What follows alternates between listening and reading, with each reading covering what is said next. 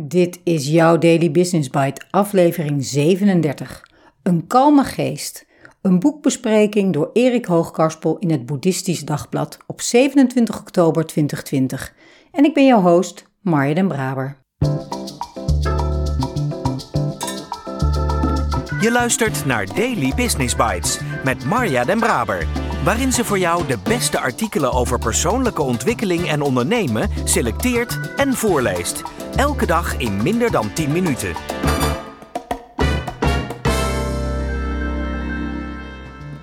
Dit is de podcast waar je kunt luisteren naar artikelen van experts op het gebied van ondernemen en persoonlijke ontwikkeling. Elke dag van het jaar in 10 minuten of minder. Uit de bijna oneindige stroom blogs en artikelen die geschreven worden, pik ik de meest interessante er voor jou uit.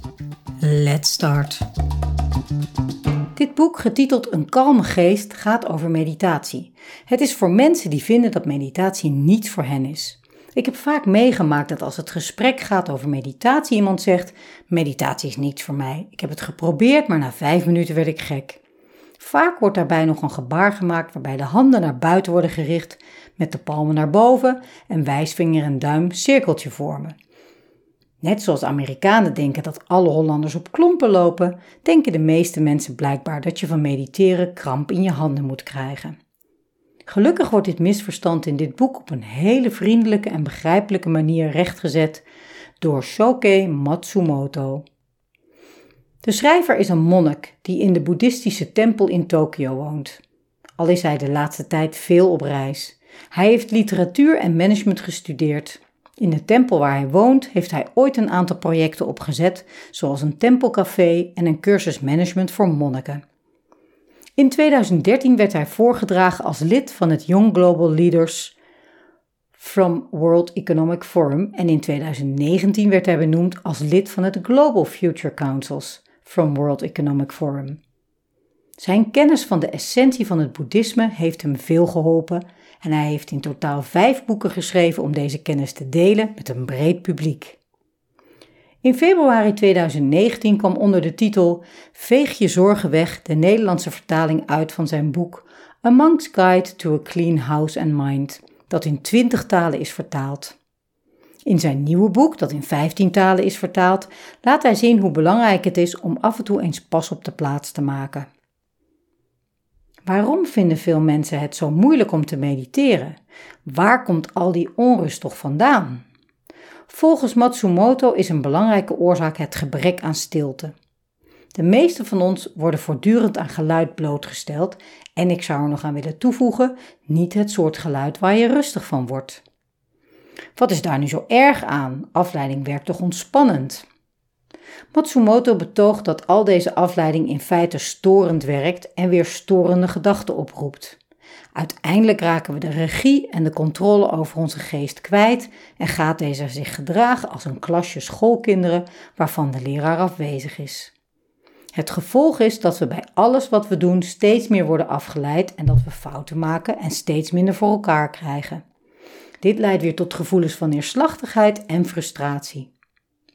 Als manier om weer wat orde in het hoofd te krijgen, stelt hij voor het boeddhisme te gebruiken als een soort spiegel. Daarmee bedoelt hij dat we over de adviezen die het boeddhisme geeft gaan nadenken en nagaan of het toch niet erg handig zou zijn als we ons daaraan probeerden te houden. Matsumoto wil helemaal niet dat we volgens de regels gaan leven, omdat ze van een autoriteit komen of omdat iedereen dat nu eenmaal doet. Hij wil eigenlijk het liefste dat we daarover nadenken en ons eigen gedrag en gevoelens eens rustig overwegen. Regels zijn volgens hem instrumenten en geen geboden. Een voorwaarde daarbij is echter wel dat je een kalme geest hebt. Volgens het boeddhisme zijn de drie belangrijkste druktemakers hebzucht, woede en verblindheid. We moeten deze drie weinig kans geven om invloed uit te oefenen in ons leven. Dat werkt het best als we onze ervaringen niet interpreteren als dingen om te hebben, om boos over te worden of om te negeren. We zijn vaak wel gewend dit te doen, maar we kunnen deze gewoontes afleren. Langzamerhand leren we dan de dingen te zien zoals ze zijn en niet zoals wij vinden dat ze zouden moeten zijn. Het is wat het is. Een belangrijke stap is te leren om de wereld te accepteren zoals die is. Dat dit vaak moeilijk is, komt doordat onze aandacht vaak helemaal in beslag wordt genomen door de drie druktemakers. Die krijgen minder kans als we onze kalmte weten te bewaren. We moeten dus proberen om meer kalmte in ons leven te krijgen. We kunnen al beginnen met een paar kleine stappen, zoals momenten van stilte op te zoeken en die te leren waarderen. Matsumoto raadt aan om zo'n moment van stilte te gebruiken door je op iets te concentreren. Het helpt daarnaast om je bewust te zijn van je ademhaling en om deze te verdiepen. Matsumoto zoekt graag plaatsen op waar de geluiden een zekere harmonie uitdrukken, zoals in de natuur en in tempels. Hij raadt aan om in je eigen huis ook een dergelijke harmonie te creëren.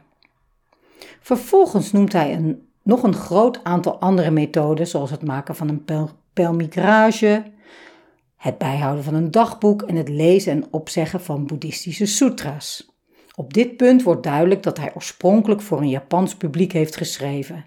Hij is ook erg positief over vroeg opstaan en veel en bewust schoonmaken. Matsumoto toont zich een goede psycholoog. Hij adviseert vele subtiele ingrepen in ons gedrag en in onze levensinstelling die op den duur grote positieve gevolgen kunnen hebben. Hij zit echter niet tegenover zijn lezers met opgeheven vinger, maar naast hen als een goede vriend. Hij is niet bang om zijn onzekerheden te laten merken en illustreert zijn adviezen met eigen ervaringen en anekdotes die hij heeft gehoord.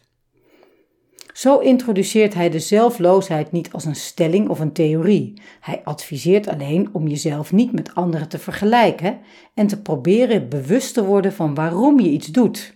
Het is volgens hem beter om je te vergissen nadat je er zorgvuldig over hebt nagedacht, dan om gelijk te krijgen doordat je hebt gegokt of gedachteloos anderen hebt nagevolgd.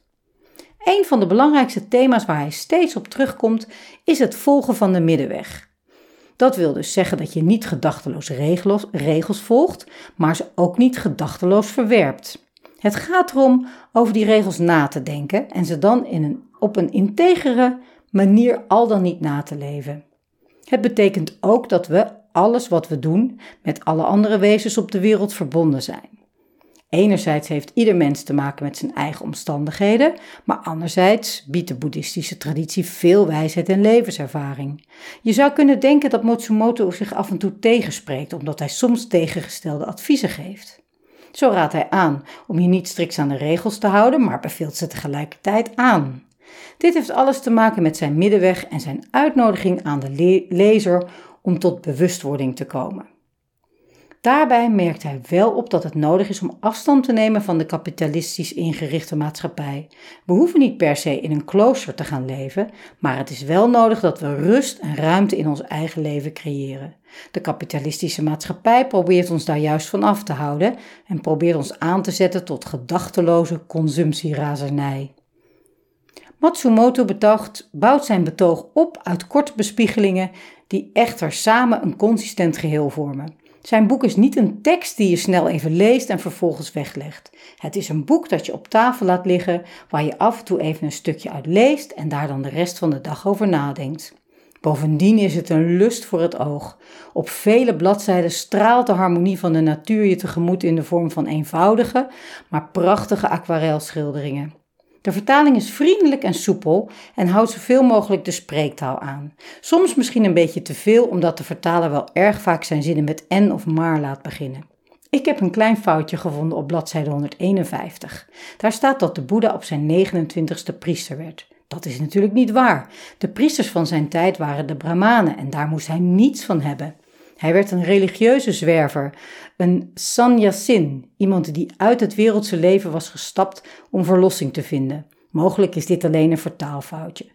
Al met al een prachtig boek dat vele lezers een bron van troost en verlichting zal zijn tijdens deze donkere dagen van frustratie en op- en afgeslotenheid. Daily Business Bites met Marja Den Braber. Je luisterde naar een boekbespreking van Een kalme geest van Erik Hoogkarspel. Een boekbespreking dit keer. Ik vond het heel fijn om te lezen. Gaf me weer een beetje het gevoel van een goede samenvatting krijgen van een studiegenoot, waardoor je de kern snel te pakken hebt en dan alsnog kunt besluiten of een boek wel of niet te lezen. Dankzij deze boekbespreking zou mijn besluit zijn dat ik hier al voldoende inspiratie uithaal. Het maakt mij weer even bewust van de drie druktemakers, het belang van het opzoeken van stilte en de gulden middenweg. Ja, er zijn regels, maar denk er vooral over na hoe die voor jou voelen. Het opzoeken van stilte en tijd doorbrengen in de natuur lukt mij hier in de bossen, de bergen en de zee gelukkig goed. En ik voel ook dat het mij goed doet. Als deze aflevering inspireert om heel even stil te staan hoe jij kalmte kan brengen in jouw geest, dan is mijn doel voor vandaag weer gehaald.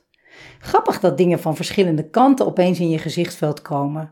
In aflevering 19 over Take It From Me, a Buddhist Monk, Cleaning is Good For You, gaat het over dezelfde monnik Matsumoto.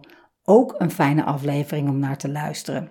En dan gelijk je huis opgeruimd en schoon te hebben. Ik spreek je morgen weer.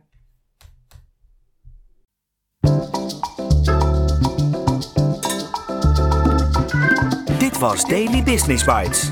Wil je vaker voorgelezen worden? Abonneer je dan op de podcast in je favoriete podcast-app. Meer weten? Klik op de links in de show notes.